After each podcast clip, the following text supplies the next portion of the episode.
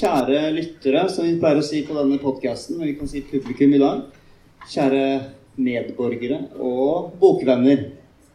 Velkommen til Bladpodden og denne spesielle live-episoden. Vi har med oss Eirin Andresen Betten fra Bladpodden. Så har vi Sissel Furuseth, professor i nordisk litteratur. Og så har vi Merete Røsvik, litteraturkritiker og redaktør for Prosa. Eh, dette er altså live. Det betyr at hvis publikum reiser seg opp og skriker, f.eks., så er det med i denne episoden. Hvis det er noen klimaaktivister i publikum, er det det? Er det noen med i Extinction Rebellion her? Så er dette en anledning til å markere eh, saken. Men eh, vi får se hvordan det går. Det er i hvert fall spennende med live-formatet. Eh, før vi går løs på dagens tema, skal vi bli litt bedre kjent med panelet. Og det pleier vi å gjøre i denne podkasten ved å høre Siden det er bok, bokvennen. Vi er alle bokvenner. Hva leser du nå for tiden? er spørsmålet. Og da kan den personen som sist gjorde noe godt for miljøet, få lov til å starte. Så da må vi først finne ut det, da. Noen som har pantet flasker i det siste? Eller? Resirkulert. Resirkulert, ja. Jeg gikk hit. Trikken det er kanskje ikke like bra. jeg, forrige uke så drev jeg valgkamp for MDG med å gå og banke på dører to dager. Der har vi en vinner. Da får du fortelle oss hva leser du nå for tiden. Ja. Um, jeg har drevet og lest en god del bøker parallelt i det siste. Litt fordi jeg skal hit også. Men um, den boka jeg har holdt på med hele siste veka og fortsatt ikke ferdig med, det er Anne Sverdrup Tygeson, 'Insektenes planet'. Det er en sakprosabok som kom ut i fjor, tror jeg. Eller 2017 muligens. Men den har gjort det veldig bra. Den er solgt til veldig mange land og oversatt til mange språk. Det høres ut som den er inn i tematikken i dag?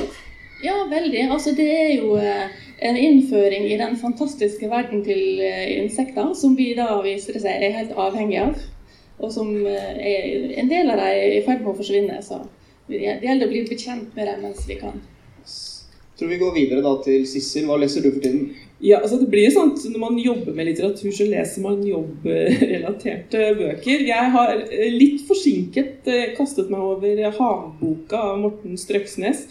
Og det er rett og slett fordi at jeg skulle til eh, Bonn i Tyskland og forelese for tyske studenter eh, om norsk eh, klimalitteratur. Og Strøksnes er en av de store forfatterne i Tyskland, norske forfatterne i Tyskland.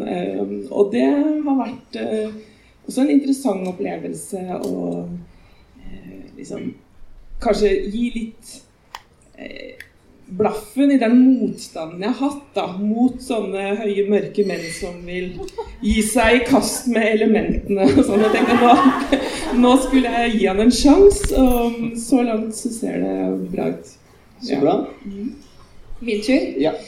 Um, jeg, jeg, har lest litt for å forberede meg òg til samtalen. Um, så jeg leste um, ei bok som heter 'Pharaoh' av um, George Monbiot, en um, Guardian-journalist og zoolog som ønsker at uh, mennesker Altså rewilding, det er det det handler om. At det, det, vil si at vi mennesker må på en måte gå inn i naturen for så å la den få lov til å um, fikse seg på egen hånd. da.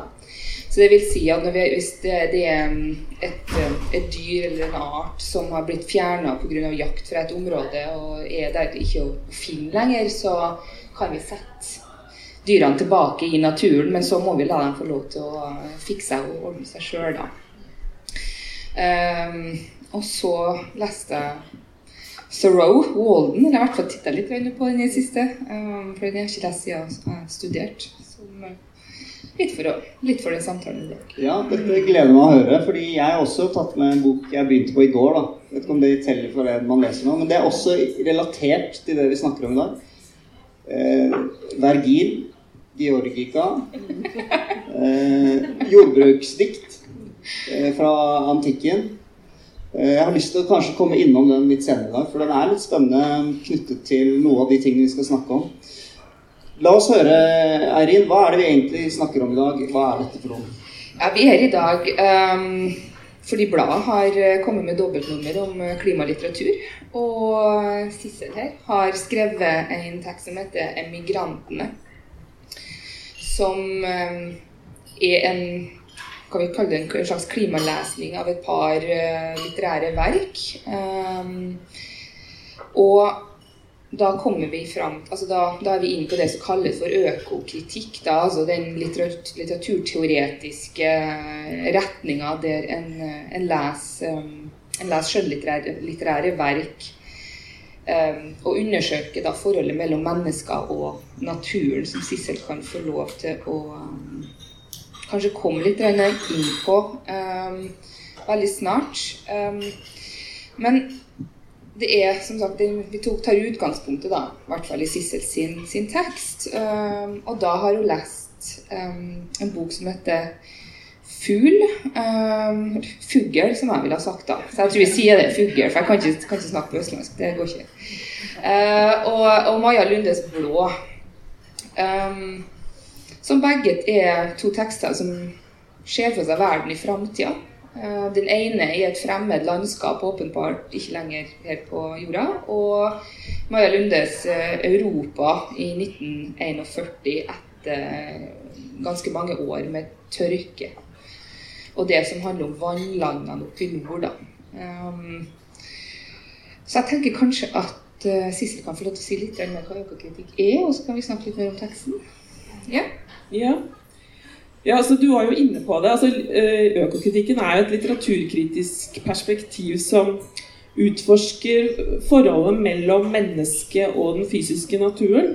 Um, og det er um, et perspektiv som kan uh, skal si, fokusere på um, den glemte naturen, eller den kan uh, være opptatt av den veldig påtrengende uh, naturen i litteratur. For det er klart at natur finnes beskrevet i det meste av den litteraturen vi har. Uh, men økokritikken er et forskningsperspektiv, en teoriretning som vokser fram i USA og Storbritannia på, på 90-tallet. Og er jo en, en sånn typisk merkelapp, eller en, en brand, en sånn litteraturteoretisk brand, eh, som, eh, som, etter hvert da eksporteres, eller får også fotfeste i Europa og Skandinavia. Men det kommer veldig seint til Norge. Eh, eh og det kan man sikkert eh, spekulere i hvorfor det er sånn, men det er altså en, en type lesninger som eh, ser på hvordan mennesket har uh, fortrengt andre arter, f.eks. Um, hvordan perspektivet er uh, antroposentrisk, som man kaller det. Altså at det er mennesket som står i sentrum, og så ser man vekk fra at uh, andre arter også har en stemme. Så på, på, den måten så ligner økokritikken på andre ideologikritiske retninger som på en måte vil gi stemme til stemmer som er fortrengt, sånn som feministisk kritikk har gitt eh, stemme til kvinner, og marxistisk kritikk har gitt stemme til arbeiderklassen, så er økokritikken da en teoriretning som gir eh, andre arter og den liksom ikke-menneskelige naturen plass i litteraturvitenskapen. Er det ofte da en, si, et pessimistisk syn på mennesket? Ja, altså det er faktisk noe jeg har irritert meg mye over i det siste. Fordi at jeg ser at veldig mye av den økokritiske teorien den eh, tar liksom for gitt at mennesket er en utnyttende art. Og at eh, det at et perspektiv er antroposentrisk, det i seg selv eh, oppfattes som et problem. Men jeg tenker at vi er tross alt mennesker, og det er eh, vanskelig for oss å innta et annet perspektiv enn det menneskelige perspektivet. Og jeg har også en følelse av at uh, mye av den økokritiske teorien eh, gjør, legger veldig mye energi i å dekonstruere et eh, bygge ned et skille mellom menneske og natur som ikke nødvendigvis er der. Og dermed så bidrar de til å opprettholde et skille mellom menneske og natur. Og jeg tenker for Når jeg leser kritiske tenkere som Timothy Morton og, og, andre, så tenker jeg at ja, men dette her er skrivebordsfilosofi. Uh, gå ut og spør en bonde, eller gå ut og spør en fisker. altså Dette her skillet mellom menneske og, og eh, natur som vi innenfor akademia, innenfor kanskje et urbant, akademisk eh, univers opererer med, det finnes ikke hvis man går til primærnæringene. Men det er klart at i våre dager så er det veldig få som jobber i primærnæringene. sånn at det kan være gode grunner til å uh, minne om at naturen finnes. Uh, selv om jeg nå tror at veldig mange har blitt gjort oppmerksom på at naturen finnes. Uh, nettopp fordi at vi har fått mer ekstremvær og regn, stormer, tørke osv. Jeg har lyst til å utfordre panelet her med en liten teori som jeg har eh, laget de siste ukene. Jeg leser i din tekst, eh, Sissel eh, Du leser 'Fugl Anjara'. Så skriver du eh, Fugls skjulte hentydninger til Musks, altså Elon Musks fremtidsvyer innebærer at romanen kan leses som en kritikk av maktmenneskers grenseløse begjær etter å kolonisere. Elon Musk da et maktmenneske med grenseløst begjær etter å kolonisere. Så har jeg lest eh, et intervju, annet intervju i blad med en britisk forfatter som også er veldig kritisk til Elon Musk. Jeg vet at Eirin er kritisk til Elon Musk. Jeg tror du er det, Merete. Ja. Og det jeg lurer på er, for å snakke jeg med ingeniører og sånn, så de er ofte veldig glad i Elon Musk. Det finnes helt sikkert eh, mange meninger om han. Men det virker på meg som litterater, humanister, er veldig skeptiske til Elon Musk. Hva kan det komme av? Og hvorfor eventuelt? Og fortell litt om for jeg, jeg mener dette er en markør på hvor man står litt i sitt syn på um, økologi, da. Ja. Um, ja, jeg er skeptisk til Elon Musk og den tankegangen om at vi hele tida skal sprenge grenser. Jeg er nok helt i, i den motsatte enden. at um, Utfordringa i dag består først og fremst i at mennesker må sette begrensninger for seg sjøl. Eh, og der er jeg egentlig uenig med Sissel, eh, som påstår at det ikke er et skille mellom mennesker og dyr i landbruket. Sånn. For hele landbruket er jo bygd på at mennesker eh, utnytter dyr som ressurs, og med industrielt dyrehold og hormonbehandling og all, all sånn faenskap. Eh, slik at det, eh, jeg tenker at altså Det at mennesket er en art som nå er på toppen av næringskjeden eh, og for å si det med Torgeir Reboledo Pedersen uten naturlige fiender, uten naturlige venner, der vi på en måte er vår egen eh, verste fiende, på sett og vis. Eh, og det, det, er, det er et veldig altså er, En kan jo eh, i den typen økologi havne over i det menneskefiendtlige og tenke at vi må, det er et gode hvis mennesket dør. ikke sant? Eh, fordi vi må Det må bli færre av oss. Eh, og vi må gi mer plass til resten av naturen, for uten den så dør vi ut, enkelt og greit. Um, um, så det, men jeg tenker jo at hvis ikke vi klarer det sjøl, å begrense menneskets dominans på jorda, så, så, vil det bli gjort for oss, og så vil resten av naturen overleve. Ikke alle artene, men uh, det er mange arter på jorda som har langt bedre eh, muligheter for å overleve ekstreme forhold enn det vi har. Ja. Så du ser på Elon Musk som noe eh, Altså menneskeheten er på feil vei, rett og slett? Feil retning? Ja, jeg, altså jeg, jeg, har vært medlem av eh, Fremtiden, Framtiden som heter, i våre hender i, i, mange mange år, og er nok litt prega av det. Jeg tenker at eh, vi må gå en helt annen vei, og at vi bruker altfor mye ressurser på månelandinger og og den slags. Vil du kommentere, Sissel? Ja, altså, det med Elon Musk han, altså, han er liksom, teknologimilliardæren og den som um, har på en måte ekspandert mest i, i verdensrommet og stått i spissen for den um, romteknologiske ekspansjonen. Og det er noe man kan bli fascinert av, på et sett og vis, fordi det er liksom et sånt bilde på hvor langt vi kan komme, men det er også veldig skremmende. Altså, jeg det, um, så jeg er nok også tilhører de som er skeptiske til Elon Musk. for jeg tenker Det er noe med den hybris, det overmotet, at det ikke er noen grenser for hva man kan finne på. Eh, og også den derre opplevelsen av at det ikke finnes noe moralsk korreksjon. Altså Det er liksom bare å gjøre alt det man teknologisk sett er i stand til å gjøre. Eh, det er bare evne som, som, stopper oss. Det er en litt sånn skremmende tanke for meg. Altså hvis, hvis mennesket ikke har noe moralsk kompass eller noen eh, som på en måte holder det tilbake, så tenker jeg da kan det ende fryktelig galt. Um, så, men, men, han er jo en enslig svale på én måte. Altså, det er ikke mange som har den, de mulighetene til å operere sånn som han. Men det er klart det er jo mer enn nok av rike mennesker som, som lar seg fascinere, og som sikkert lar seg også kjøpe da, av hans teknologi. Altså, Elon Musk um, Jeg vet ikke, jeg, jeg ser for meg han, altså, jeg har en følelse av at en sånn markeds... Um, en sånn reklamemann, Elon Musk. Um, så jeg tror nok min irritasjon kanskje med han er muligens ikke fullt så analytisk. Det er mer det at Altså, vi, vi kan ikke kolonisere Mars. Det er bare sånn punktum. Det, det, det, skal bli veldig veldig vanskelig å gjøre det, tror jeg. Uh, hvis du tenker på jordas utvikling uh, over x antall milliarder år, så har um, uh, sosialantropologen han David Crystal, ikke det? Nei, unnskyld, han er lingvist. Uh, Jared Diamond. Det er krystaller og diamanter. Um, uh, dem, uh, han, han har, um, har, en sånn fin liten analogi om hvordan hele menneskeheten Hvis du dytter hele jordas historie inn i 24 timer, så vil menneskeheten ha de siste 90 sekundene før klokka 12, og så er vi over et nytt døgn.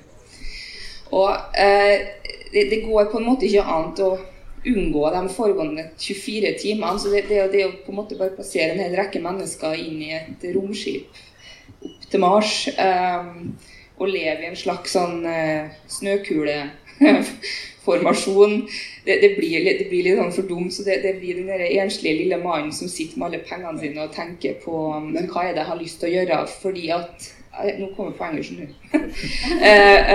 det er jo det at istedenfor å tenke hva kan løse altså Istedenfor å altså ekspandere, hva måtte heller trekke oss tilbake? At det er der løsninga ligger. Han, altså Elon Musk tenker ikke her at han tenker at Mars vil være løsninga på planeten, menneskehetens øko, økologiske problemer.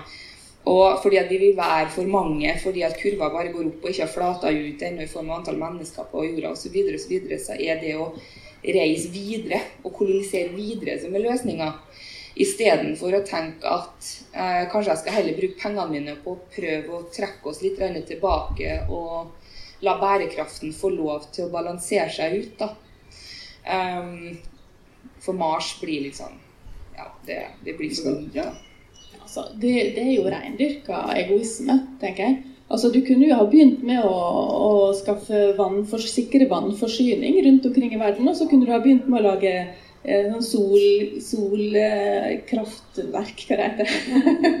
Ikke sant? Altså, det er tusen gode ting du kunne gjort med de pengene. Annet enn å tenke det at eh, jeg og min familie skal sikre oss når alle andre går under i et eh, brennende inferno.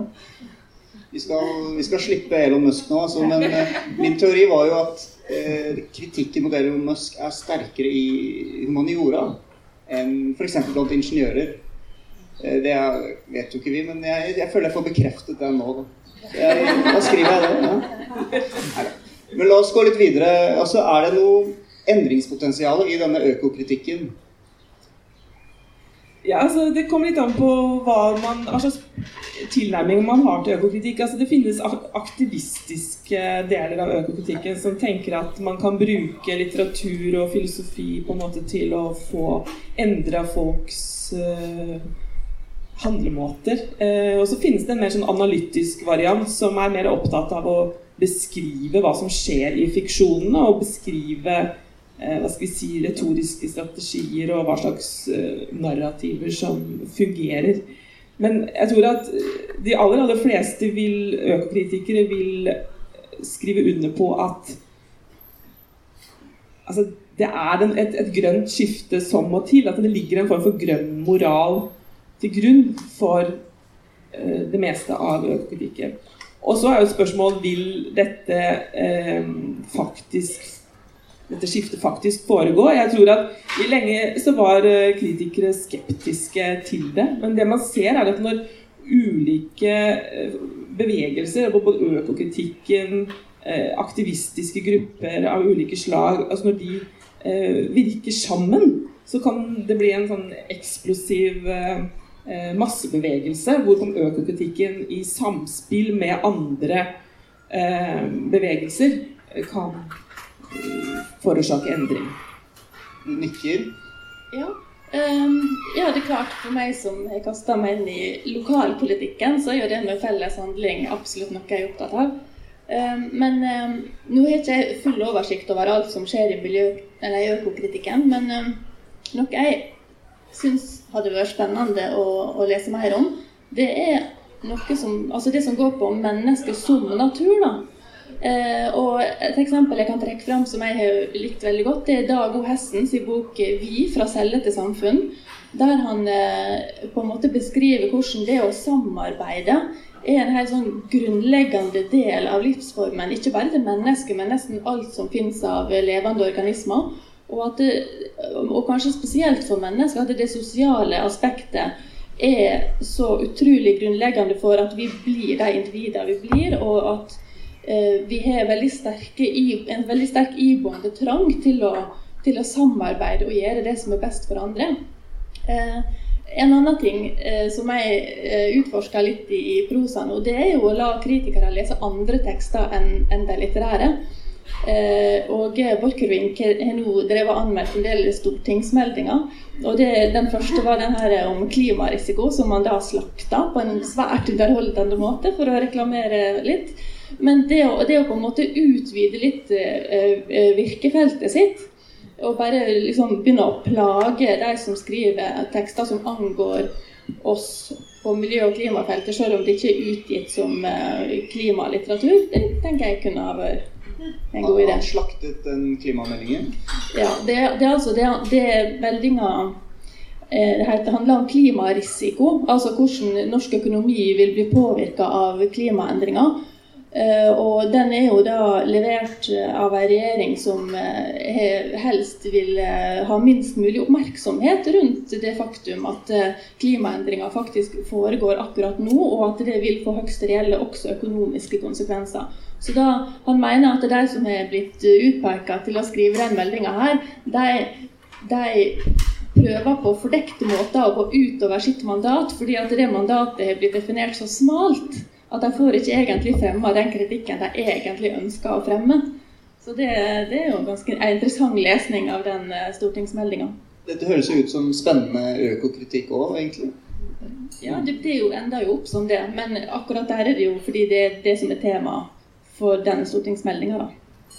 Jeg tenker Det er noe av det samme som Espen Stueland gjør i 700-årsflommen, den boka som kom i 2016, hvor han også analyserer klimarapporter og ser på liksom, hvordan språket kommer til kort i disse eh, rapportene. Eh, og det er jo nettopp på, på, grunnlag av det at han også kom med et forsvar for litteraturen og for poesien, fordi den eh, på en måte kan eh, gjøre nært noe som disse rapportene eh, gjør til et veldig sånn abstrakt problem for oss. Da. Ja, men Stueland nevner jo noe interessant i den boka, for han bruker uttrykket det at um, altså at Det er mulig at det ikke har med de stortingsmeldingene å gjøre, eller rapportene, men um, han nevner det at um, litteraturen bl.a. Um, er det som kan forvalte fremtidas dagsorden. Um, og det er sånn veldig fint formulert. Uh, og jeg tror at det, er mye av økokritikken i samsvar altså det skjønnlitterære i samsvar med sakprosaen, i samsvar med, med rapporter. Um, der du får en mye større forståelse av det, det helhetlige bildet, så kan vi faktisk, hvis vi og den kunnskapen blir forvalta riktig, så kan vi kanskje havne han inne i en sånn skitte som Stueland um, nevner, altså, eller beskriver som det å forvalte fremtid, fremtidas dagsorden. Og det er kanskje det um, regjeringa vår ikke gjør. De, for, de, forvalter faktisk ikke framtidas dagsorden, de forvalter dagens dagsorden. De forvalter dagens økonomi. Um, dagens pensjon. uh, men, men sett på en måte ikke de, de, har egentlig ikke noe samvittighet for det som vil skje med Norge etter deres tid, etter deres død. Uh, hva skjer med et, et, landskap, med et land i, i drastisk forandring? Og når vi sitter med den kunnskapen som vi gjør om klima og miljø, om uh, de potensielle endringene som kommer til å skje pga. Uh, faktisk stigende havnivå på andre sida av planeten, men, men uh, som faktisk kommer til å påvirke oss. Det er slike sånne, det er ting vi kanskje ikke tenker, tenker så veldig over når vi står opp og lager kaffe på morgenen, men, men det, er, det er Og det er der på en måte jeg tror økokritikken òg kan få lov til å bidra. Da, og, og i hvert fall um, sette i gang en bevegelse av det unge mennesker faktisk tar vare på det som skjer um, i framtid. Fordi det er deres i framtid de tenker på. da. Altså, jeg tror at det, det, eksist, det eksisterte en forestilling hos alle som nå er godt voksne, om at det, naturen er så stor og uendelig at ingenting vi gjør, kan liksom ødelegge den. Og det tror jeg er helt sånn inngrodd at for veldig mange så er det veldig vanskelig å klare å tenke noe annet. Eh, men nå, nå, nå, begynner jo det å bryte gjennom, men det er jo fordi at det, det, det skjer jo fordi de unge demonstrerer, og pga. sånne som Extinction Rebellion, som virkelig tar drastiske Eh, midler i bruk. Eh, men det er veldig rart at det har tatt så lang tid. Jeg, men jeg tror det har med den, den veldig, det, det må kunne kalle ideologi. da, at, at, vi er så små og naturen er så stor. Men sånn er ikke det lenger. Det er vi som, som styrer greia. Ja, jeg, hvis jeg kan bare nevne si et par ting. Jeg tror det har med hvordan temaet har blitt eh, behandla i media, bl.a. Um, for Jonas har vi snakka um, tidligere her om det tidspunktet når du merker at dette er noe som du trenger å ta innover deg. Um, og jeg begynte å tenke litt på det her de siste dagene. Og, og kom jo på at jeg på ungdomsskolen så dro vi på kino og så den Al Gore-filmen. Um, som uh, jeg nå har helt glemt tittelen på, som jeg definitivt burde huske. Noen husker? Common Future? Nei, det er ikke det. Uh, noen som husker? Uh, Inconvenient Truth. Takk. Um, og det skjedde ingenting etter det. Vi, vi, dro hjem, og så var det ingen som kommenterte på den filmen så veldig mye i, i, i skolegangen etter det. Og så det samme, samme, på videregående. Det var liksom ikke noe Det var noe som vi så der og da, men det ble ikke kommentert på. Det var kanskje ikke snakka om i eh, mediebildet på en måte som ungdomsskole- og videregående-elever på den tida kanskje tok til seg. Um, så jeg vil jo si at det at vi har liksom, den endringa som foregår nå, er jo, har jo med at altså etter Facebook, etter at informasjonens tidsalder på en måte bare begynte å pike da, i 2007, nede i hockeykølla, så, så, har vi, så har vi forvaltet mye mer informasjon. Um, og, og, det er nok derfor at um, vi da sitter og har bl.a. disse samtalene her. Jeg har lyst til å trekke litt inn det du sa, dere trakk fram Espen Stuland. Han sa at litteraturen kan forvalte fremtidens dagsorden. Veldig flott formulert. Hvis man griper litt tak i det, hva kan det egentlig bety? Jeg ser et problem her, og det er at eh, en slags elitisme, altså poesi f.eks., som ikke så mange leser, er den sensibiliteten da, som kan forvalte den eh, fremtidens dagsorden? Eller er det bestselgere som Maja Lunde, eh, mer ja, Det, det syns jeg er et veldig interessant spørsmål. For jeg tror ikke nødvendigvis at det er en sammenheng mellom eh, effekt og kvalitet. Altså Det er ikke nødvendigvis at den beste litteraturen er den som har størst gjennomslagskraft. Eh, sånn at når uh, Stueland sier at litteratur setter fremtidens dagsorden, så tror jeg det er et element av ønsketenkning der. Eh, og det ser jeg også i veldig mye av økokritikken. at man kanskje ønsker seg at, at, litteraturen kan sette en dagsorden som det ikke nødvendigvis gjør uh, alene. Men jeg tror at det kan virke på en måte mobiliserende, at det har en sånn trøst, støttefunksjon for mange. At det kan være en, en noe man søker tilflukt til. Og jeg la merke til dette intervjuet som du har gjort med Thomas Hylland Eriksen i siste nummer av bladet, så, så sier han at øh, argumenterer han for at vi må ha en større langsomhet og i den, eh, blant annet fordi at Der kan vi lese bøker. Og det er klart at hvis, hvis det nå eh, samfunnet kollapser og strømmen går og osv., hva gjør vi da? Kanskje vi må ty, til bøkene igjen? At det blir på en måte eh, den underholdningsformen eller den eh, samværsformen. At vi samler oss om litteraturen. Da. Men det er klart, det er jo også en, en form for dystopi i det, selvfølgelig. Men jeg tenker at eh, altså, det, er, det, sies veldig mye tull om litteraturens endringskraft. og sånn. Altså, Vi som er litteraturvitere og som jobber i litteratur, vi kan håpe på at det er sånn. Men jeg ser også at visse tilfeller så fungerer det. F.eks. i Maja Lundes tilfelle, som har store leserskarer. Um, nå Tidligere i år så var det en sak oppe i um, Nordland hvor eh, det var snakk om en gründer som ville ta ut is på svartisen og eksportere til eh, rike folk i Midtøsten. Som jo er på en måte liksom hele plottet i, i, Blå. Og da er det en av disse um, gammel pensjonert lærerinne fra Nordland som tar med seg Lundes roman til fylkes Eh, og sier at les denne. Her er det en bok som har et mer langsiktig perspektiv. Og, og det ender jo med at, at, de omgjør dette vedtaket, og ikke bare pga. Av, av denne damen, men det er på en måte en, en del av en, en, større mobilisering, da, og som viser at, at um, litteraturen, nettopp fordi den har en sånn affektiv side ved seg, så, så, set, så lar den folk få føle disse problemene. Uh, og det tror jeg er en helt viktig forutsetning for at man kan gjøre noe. At man også føler en slags tilknytning eller en, et ansvar for det som skjer. Men, men, det jeg er redd for, det er at hvis en setter sin lit til at det er litteraturen som skal sette dagsorden, så, eh, så er en for seint ute. Altså, Blå har blitt en bestselger nå. Men det er jo når svart, svartisen er i full, full fart smelter vekk. Eh, og jeg, jeg, tror at det er et ledd der som man ikke må glemme. Det, altså, eh, mange av de store miljøklassikerne, uh, 'Silent Spring' av, av, Richard Er det Carson nå heter? Rachel. Hæ? Rachel Carson. Ja, ok, sorry. Uh, og Erik Damman, 'Framtiden vår hender'. De kom jo på 70-tallet. Uh, og det starta jo miljøbevegelsen, men den har jo ikke fått noe gjennomslag.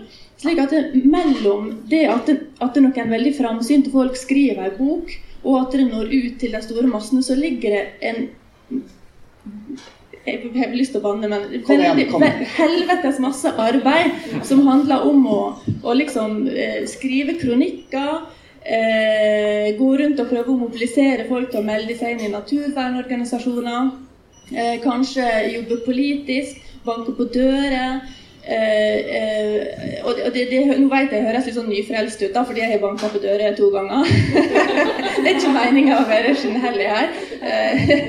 Eh, men poenget er at det, det kan finnes folk som sitter på kunnskap helt alene i 100 år, mens verden bare går rett mot stupet. slik at det er ikke nok å basere seg på Eh, på litteratur alene. Eh, og dessuten, hvis en da skal eh, lese Maja Blå, så er jo det rette er jo da ikke å, å ta ut isen fra svartisen for å ha den i drinker, men du skal ta ut isen, og så skal du legge den i, i tette containere, og så skal du spare på det vannet til det blir vannkri vannkrise. For det er jo ikke vits det her spoiler, Jeg burde ha sagt spoiler alert. ja, men det er jo ikke vits at det vannet bare ligger oppi fjellet og svelter vekk.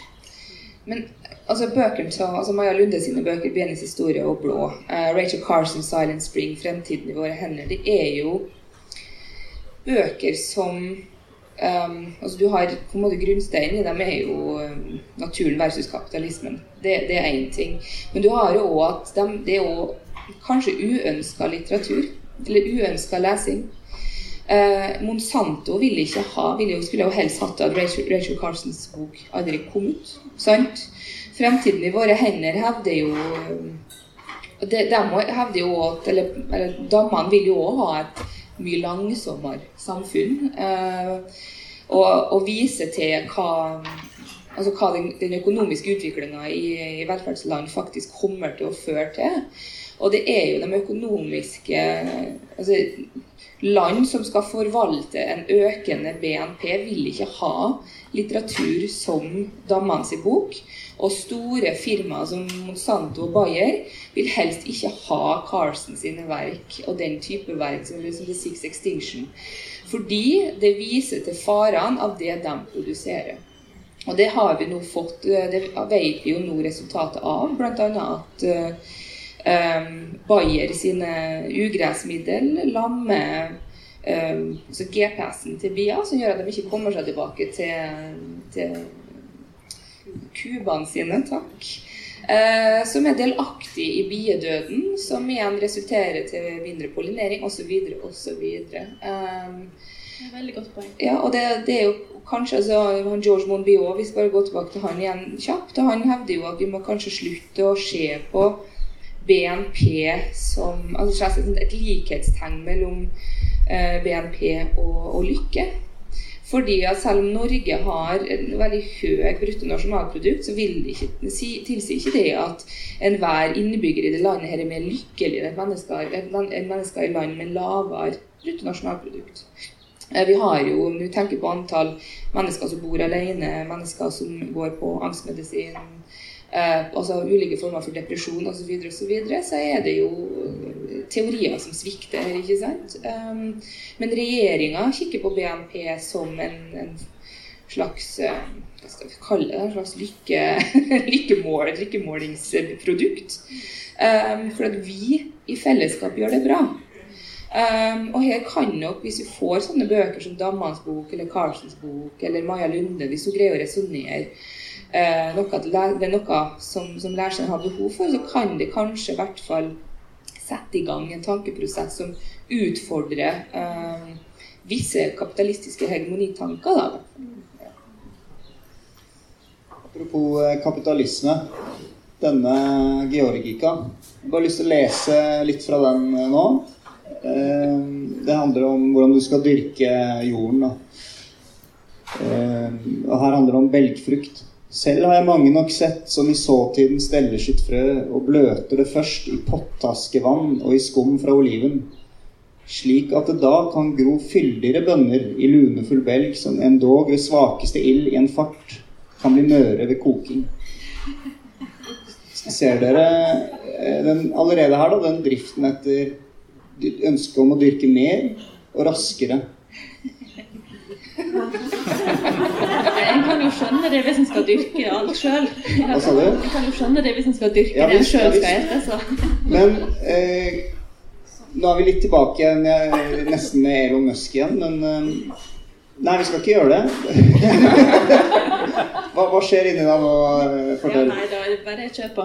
Eh, Men, men jeg syns det er interessant. Er det en konflikt mellom eh, Vil all økokritikk også være kritisk til kapitalisme, er egentlig spørsmålet. Altså, det, det, det er jo et det er interessant det der, altså Du nevnte i sted, Merete, at, uh, du var for, uh, ville ha mer økokritikk som så på mennesket som natur.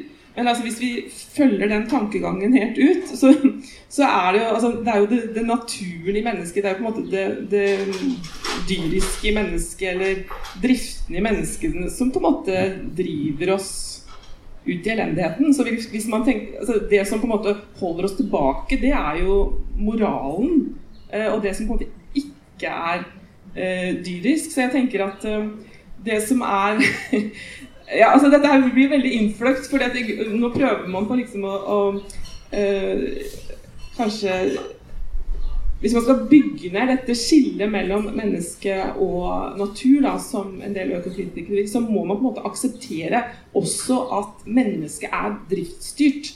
Eh, Det på en måte er liksom den ytterste konsekvensen av det. Og da må man også si at ja, vi, vi er late, vi vil ha det bekvemt, vi vil dyrke maten vår på det, den måten som er enklest for oss. Og vi eh, har, det er drifter etter å forplante seg osv. Og, og man må ha mat til barna sine. Og, og det er på en måte hele dette forøkelses eh, eh, som, som, som fører til at man trenger mer og mer og forbruker mer og mer. Mm. Så sånn sett kan vi si at en kapitalisme og naturen er veldig lik hverandre. Eh, ja. ja. og det er jo enig i. Men saken er jo at naturen er jo ikke grunnleggende god. At menneske natur betyr jo ikke at uh, mennesket er godt. Uh, men, men, derimot, hvis en blir bevisst det, at mennesket er et rovdyr på toppen av pyramiden som kan gå over alle grenser for å gjøre det behagelig for seg og sine, så, så kanskje en eh, blir nødt til å styrke den moralske bevisstheten eh, rundt det, og, og, begynne å se på altså En snakker jo om rovkapitalisme, eh, så det jo, ligger jo sånn sett eh, en forståelse av det i språket allerede. Eh, men, men eh, altså, ja, det er jo tenker jeg, et viktig poeng da, at natur er jo, er jo mange ting. Um, og uh, fellesskap kan en også oppleve på tvers av art artsgrenser. Det vil jo alle vite som har hatt en hund eller katt eller uh, et marsvin en gang, tenker jeg. Uh, og ja. Ja, stoppa der. Um, det er et tema som ofte kommer opp i forbindelse med det man kan kalle miljøengasjert litteratur, er er det sånn at tematikken blir så viktig fordi den er viktig, at det litterære kan komme i bakgrunnen? Kan litteraturen stå i fare for å bli svakere eller litt kjedelig fordi tematikken kommer i forgrunnen? Skjønner dere spørsmålet? Ja. Mm. Jeg skjønner hva du mener. og det er klart at Når man har lest en del klimalitteratur, så er det jo mye sånn didaktikk der, og mye eh, Altså, Vi snakket om Maja Lunde i sted. Altså, det, det, er på en måte noe av det som har blitt anført som kritikk mot hennes romaner. At de er for overtydelige i budskapet sitt. Men da tenker jeg altså, Jeg som litteraturviter jeg må likevel spørre meg hvorfor er det sånn at disse bøkene er så enormt populære. Og det er klart at kanskje er vi litt spesielle som lesere. At vi krever um, at vi har en allergi mot denne overtydeligheten som kanskje ikke andre har. Uh, og jeg syns at det er fascinerende i seg selv at den type litteratur når så bredt ut. Og det er jo, som Maja Lunde og Gjert Nygaardshaug, de jobber jo visst, bevisst for å lage romanene sine på en sånn måte at de kan nå flest mulig, fordi at uh, kampen uh, er viktig. Eh, og det syns jeg man skal ha respekt for, at, at, i noen tilfeller så er sak viktigere enn estetikk. Selv om det ikke vil være det for en litteraturkritiker, kanskje, fordi man rett og slett blir matlei av sånne overtydelige bøker. Ja, nei, jeg er veldig enig i, i, akkurat det, så jeg vet ikke om jeg har så mye å, å tilføye. Bortsett fra begynne å tenke på hva jeg foretrekker på en måte framfor noe annet. Sånn at det, det, det, er mye mer om du skal være sånn light-versjon av en kulturelitist. Um, jeg foretrekker å lese f.eks. Virginia Woolf og Lando. Og hvis jeg skal tenke på liksom, det skillet mellom industri og natur, og, og så er det den karakteren som skifter kjønn eh, mellom 1700- og 1800-tallet, skifter jo òg um, slags urban tilholdssted. Den går fra en verden som har vært en veldig grønn og naturlig plass, eh, og over til det 18. århundre, som er industriens eh, storhetstid. Altså det er da den industrielle tidsalder på en måte virkelig kicker, kick off. da. Um, og det og det er på en måte, men, men, det er gjort på en veldig sånn subtil, veldig vakker, pen måte. Eh, som ikke er spesielt tydelig overtydelig, slik som Maja Lundes bok. Men mm. til forsvar for Lunde, da, så har hun så har det åpenbart at det er et prosjekt. Og, det, det er, og i det har hun jo lykkes. Og det, det er på en måte det må hun få, da. Ja, nå må jeg si sånn som sønnen min. Nå skal jeg si tre ting. en at hvis jeg hadde 400 kroner og skulle kjøpe en roman, så er vel sånn klimadystopi omtrent det aller, aller siste jeg ville ha valgt. Um, jeg, jeg er veldig sperre mot det som er oppfatta som litt sånn tunge og triste, moraliserende bøker.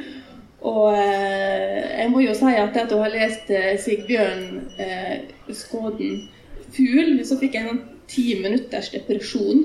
Jeg syns den var forferdelig tung. Det var veldig mye gode tanker der, og, og, men, men, ja, det var tungt, altså. Eh, men når det er sagt, så tror jeg at det er litt av grunnen til at Maja Lunde har, nådd så godt ut, det er at hun eh, har teft for temaer som er viktige i samtida, og så klarer hun å fortelle en god historie eh, på en lettlest måte. Og så mener jeg også at hun, hun har skjønt det, at vi går, når vi går til fiksjonen, så er det for å få en slags illusjon av sammenheng og mening. Eh, og hun klarer å lage plott der det, liksom, der det går litt sånn opp at fortida møter nåtida, og det fins en slags element av håp. Eh, som Jeg tror rett og slett at det er det som gjør det til gode historier som folk eh, får lyst til å lese. Da, for sant, En blanding av det aktuelle, men samtidig noe litt oppløftende.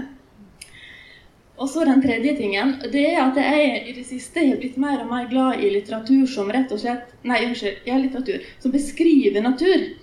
Eh, som, som, setter navn på, som bruker navn på planter, navn på insekt. Det er en slags egen poesi i det, pluss at det, eh, veldig mye av det her er kunnskap som har forsvunnet for veldig mange av oss. Vi går ikke rundt og ser oss rundt og tenker 'Å, der er Tiril Tung og prestekrage', og der har jammen eh, ballblommen sprunget ut, liksom. Eh, og det er jo noe f.eks. Eh, Kjerstin Ekman, den svenske eh, romanforfatteren, har vært opptatt av. at når ungene nå for tida ikke lærer navnene på plantene og, og dyra rundt seg, og ikke har som del av skolegangen sin å gå ut i skogen og bli kjent med naturen, så får de på en måte ikke noe personlig forhold til naturen. Og når, når, når det forsvinner, så mister en også litt av omsorgen for naturen, av hva som skjer. Av det som at du ikke klarer å helt se det på samme måten. Og jeg husker lite av min barnelærdom, og nå har jeg fått en sånn trang til å oppsøke det igjen og lese dikt og sånn som eh, skildrer natur da, på den måten. Um, det er jo noe som heter for 'shifting baseline syndrome'. Hvis det, ja, dere har vært borti det, og det er jo det at vi Bare så vidt, så du ja, kan ja, altså, det er, Vi endrer oppfatninga av det som er naturlig altså via neste, altså Generasjonene endrer oppfatninga. da. Sånn at det som er kunnskapen av det som er naturlig i den forrige generasjonen, vil ha en helt annen Vil på en måte gå tapt. Um, og dermed så har vi òg et um, For det stammer egentlig fra fiskenæringa uh, og forskning på hva som er um, naturlig mengde fisk i havet. Og når du teller, eller når du ser på på én fiskeart og antall fisk innenfor den arten ut ifra et utgangspunkt som ikke er startpunktet, så vil du òg ha så vil være Baselinen din vil være et falskt utgangspunkt. Um, og det er jo det vi kanskje er inne i nå med tanke på hvordan vi oppfatter natur, hva som er naturlig, og ikke minst hvis du trekker inn teknologien og kanskje Elon Musk og teknologifetisjering, da. Og da får du en sånn shifting baseline-syndrom for, for, det som er det vi omgir oss med, og, og, kanskje et større skille mellom det urbane og det naturlige. Og, og det er jo sånn, det, og det, Når du sier at du nå går til, til, en viss type litteratur som du har funnet interesse for fordi du har lyst til å lære mer om noe som er, føles ut som en kunnskap som har gått tapt, da, så er jo det òg kanskje et bevis på at veldig mange av oss er inne i en sånn endrende baseline fordi vi ikke lenger sitter med kunnskapen om eh, livet i fjæra og, og, og, og livet på stien. Um, og der, eh, jeg vet ikke, det er, All forskning tilsier jo at om barn f.eks. bør være mye mer ute i naturen enn de, enn de er, fordi at det er mye positive kognitive ting som skjer om du gjør det, versus det å sitte inne i et klasserom med dårlig luft og ingen aircondition. Mm. Altså, det er jo mye nostalgi i den litteraturen. Altså, du, altså den derre benevnende arter som er i ferd med å forsvinne, det er jo en, en sånn sorgprosess uh, uh, knytta til det. Og Man finner f.eks. i den danske lyrikeren Inger Christensens 'Alfabet', som er en sånn, en sånn uh, systematisk benevnelse av arter og fenomener som finnes i naturen, som også er på en måte en slags sånn å sikre seg at dette, dette fester seg før det forsvinner. Og Det er kanskje også det som gjør at denne fugl av Skåden er så deprimerende å lese. fordi at Den skildrer da en, på en, måte, en, en, gruppe mennesker som forlater jordkloden, og som på en måte ser tilbake på livet på jorda eh, med eh, sorg. Og blant annet så sitter de og ser på britiske naturfilmer. Eh, og den ene, ene hovedpersonen der, hun orker ikke, hun må bare gå ut av stua når mannen sitter og ser på naturfilmer, for dette blir for deprimerende. Så det er den derre erfaringen av, av, tap som kanskje også gjør at klimalitteratur, eller mye klimalitteratur, er deprimerende å lese. Eh, det I den boka har du jo òg det generasjonsskiftet. Det at um, hun som loggfører og den tror jeg du nevner i teksten din. Uh, hun slutter å loggføre um, de naturfenomenene på planeten der, de nå er, eller den plassen der de er. Fordi hun har ikke noe behov for at den kunnskapen skal gå videre til barnet. Så det vil jo si at da barnet vil ha den på en såkalt ny baseline, ikke sant? og den må dermed forvalte sin nye um, natur, det er ikke et ord, men, men, men, som om det skulle ha vært naturlig som det er startpunktet. Da. Og nå kanskje vi er Det er mulig at vi er inne i en tid der den er sånn en, en natur i endring er startpunktet for veldig mange, og det er det de må lære seg å forvalte. Mm. Liten uh, ettertenksom pause der. Eh, jeg har lyst til å høre litt uh, for det første, um, hvilke klassikere innenfor dette feltet finnes kanskje, kanskje Vi kan jo skille mellom miljø, miljøengasjert litteratur, men også økokritikk. Um, hvilke tekster er liksom de grunnleggende økokritiske tekstene? Jeg tror hun Rachel Carson er vel en viktig Silent Spring, den er ja, altså Det kommer litt an på hva du sikter til. Altså, Rachel Carson eh, er jo kjemiker og naturviter og har på en måte sakprosaforfatter som på en måte benytter seg av litterære virkemidler for å, for å nå ut. Um, uh, så har vi jo i, her i Norge uh, Arne Næss, uh, som på en måte er en viktig premissleverandør for dypeøkologien, som um, som hadde en viss innflytelse på 70-80-tallet, men som nå via omveier eh, USA kommer tilbake til Norge i økokritikken. For det ser man i den, den litterære økokritikken. De som leser litterære verker med et sånt økologisk blikk, de er inspirert av Arne Næss Um, så litteraturvitere som kanskje ikke norske litteraturvitere som ikke tidligere har lest Arne Næss, de uh, får det nå via eh, USA. Det, det, er interessant. Eh, du kan jo gå så langt tilbake som um, 1600-tallet med New Atlantis av Bacon. Der han bl.a. ramser opp en hel rekke um, sånne oppfinnelser eller ting han um, har lyst til å finne ut av. da. Og, ehm, og det førte jo bl.a. til mest sannsynligvis til hans død. Han um, ville finne ut av um, altså, Det er det som førte til fryseelementet, faktisk. For han skulle finne ut av om noe som, død, noe som var dødt, kunne holde seg lenger om det var nedfrosset. Så han um, skaffa seg høne og stappa den full av is. Eh, og den holdt seg jo bedre. Eh, og, men han, uh, i forsøket så ble han både fuktig og kald og forkjøla. Han døde vel ikke lenge etterpå. Men, men han, uh, mye av det her er, er liksom kartlagt i New Atlantis, da, som er en slags hva skal vi si, altså fremtidens dagsorden. da, Hvor mye av det har faktisk har, har hendt. da, og det satt han bare helt alene og, og kikka litt. For han kikka på vind, bl.a., som kom gjennom eh, sprekker i veggen. og så begynne å tenke på strukturene til vind. og Hvis en vind starter opp i Skottland, kan det ha noe med, med eh, brisen i Brighton å gjøre, osv. Så, videre, og så, så, så du kan hacke deg på masse her. Da. Um, Thoreau, Walden, en klassiker som kanskje alle sammen bør lese, bare fordi den er veldig vakkert skrevet. Ja. Ja, eh, Det her kan nok dere mye mer om enn meg. Økokritikk var ikke på pensum på 90-tallet. Eh, men jeg har lyst til å trekke fram Steinar Lem. Han var en veldig sentral eh, person i å gjøre det her med økologi til et tema i media. Og jeg har skrevet noen fine bøker også. Den heter vel heter den 'Det tause skriket'. Jeg, det her er ikke jeg forberedt. Men han har iallfall skrevet noen gode bøker. Eh, og en teoretiker som jeg har sett er veldig mye referert til nå i det siste, det er Timothy Morton. Eh, det er begrepet 'dark ecology' som han er mest kjent for.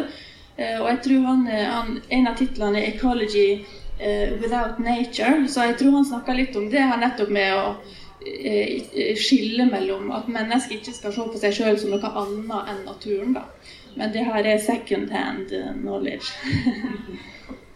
Syns også jeg aner en slags videreføring av en del kristen tenkning knyttet til synd, f.eks.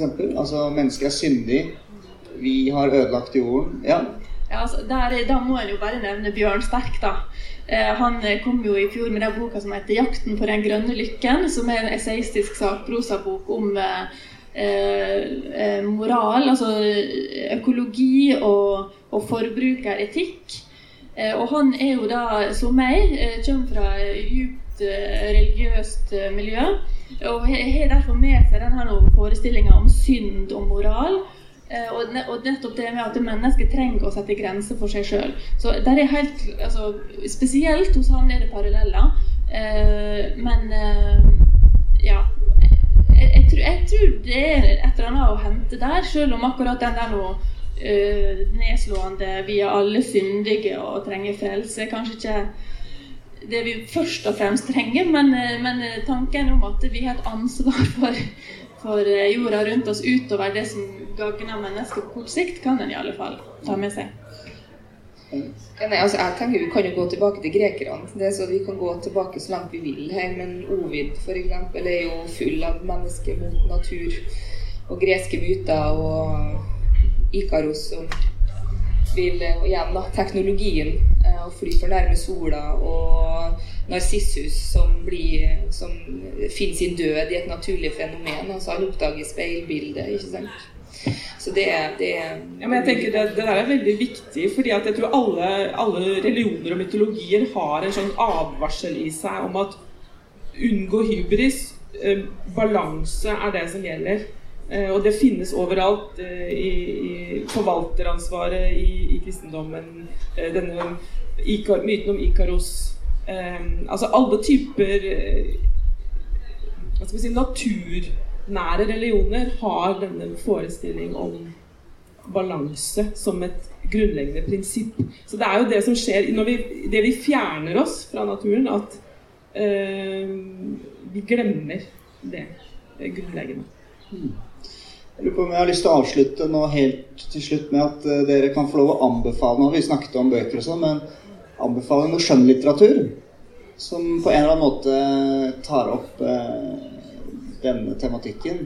En bok fra hver. Uh, så er vi ferdig.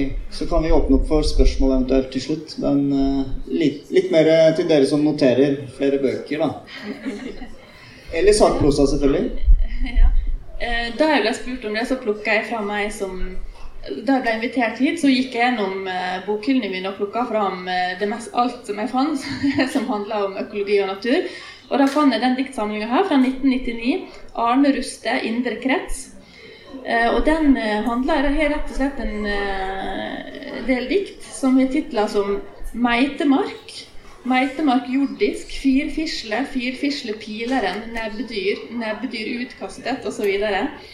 Um, så uh, jeg, jeg kikka igjen på den og syns den er veldig fin. Jeg hadde egentlig funnet fram et lite sitat, men nå klarte jeg å ta ut uh, Vi se om jeg finner igjen. Det var altså om pinnsvinet, det. Det er bare slutten av et dikt syns var fint. da. Et levende pinnsvin, det sikreste tegn på at noe likevel er i orden der du er. Ja. Jeg tror faktisk også jeg vil trekke fram poesi, litt eldre poesi. Eh, det er en samisk eh, forfatter som heter Nils Aslak Valkeapää, som skrev en samling som på norsk heter 'Solen min far'. 1989 eh, som fikk eh, Nordisk råds eh, litteraturpris. Og den er nettopp en sånn Hva skal vi si Den formidler en urfolkspolitikk. En, en sånn besinnelse på det å være i landskapet som mange moderne mennesker har glemt. Eh, og den har en sånn langsomhet i seg, men også en sånn taps... Det er også en, en sorgfull bok, men den har en, en eller annen tilstedeværelse i landskapet og en nærvær og et, um, formidler en type enhet mellom menneske og natur som har gått i glemmeboken for mange. Og så syns jeg også det er fint å kunne trekke frem samisk litteratur, for det gjøres altfor sjelden. Så jeg vil anbefale Nils Aslak Valkeapais 'Solen', min far. Det er jo altfor masse å anbefale, så det er jo det jeg må bare velge nå. Uh, ja, det får jeg ikke til. men, men, jeg tror jeg kan nevne noen av dem som er blitt tatt opp her i dag. Um, når skjønnlitterært så vil jeg faktisk um, Litt fordi det blir gjort på sånn ufattelig vakker måte, så vil jeg faktisk anbefale både The Waves og Orlando av Virginia Woolf. Um, og sakprosa um, Igjen, bare for å ta disse pent, og kanskje ikke alltid nødvendigvis det mest uh, informative, så ville jeg sagt Walden av uh, Thoreau. Um, fordi at ikke alt sammen må være så nedstemt. For den blir jo litt nedstemt av uh, sakprosalitteraturen som har mye med klima og miljø å gjøre. Det, det, det, er ikke til å komme bort ifra, selv om en føler seg både mer informert i etterkant og skjønner at en kanskje har forstått litt mer. Men... Det verste er at uh både 'Insektenes planet', som jeg nevnte i stad, og 'Jakten på den grønne lykken' og 'Det svarte skiftet' av Eivind Trædal er ofte veldig oppløftende og motiverende bøker. det er veldig Stoknes vil at vi skal eh, vil at vi skal være etter vi har lest. Vi skal ikke være klimapessimister, men klimaoptimister. Mm. Jeg har problemer da med det, men det, det er noe helt annet sak. ok, jeg tror vi avslutter der. Tusen takk til dere. En uh, liten applaus uh.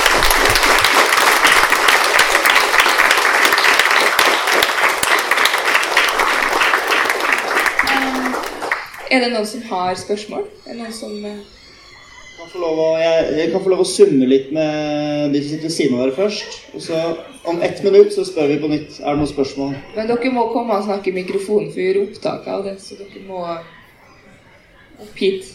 60 sekunder. Ferdig det på denne?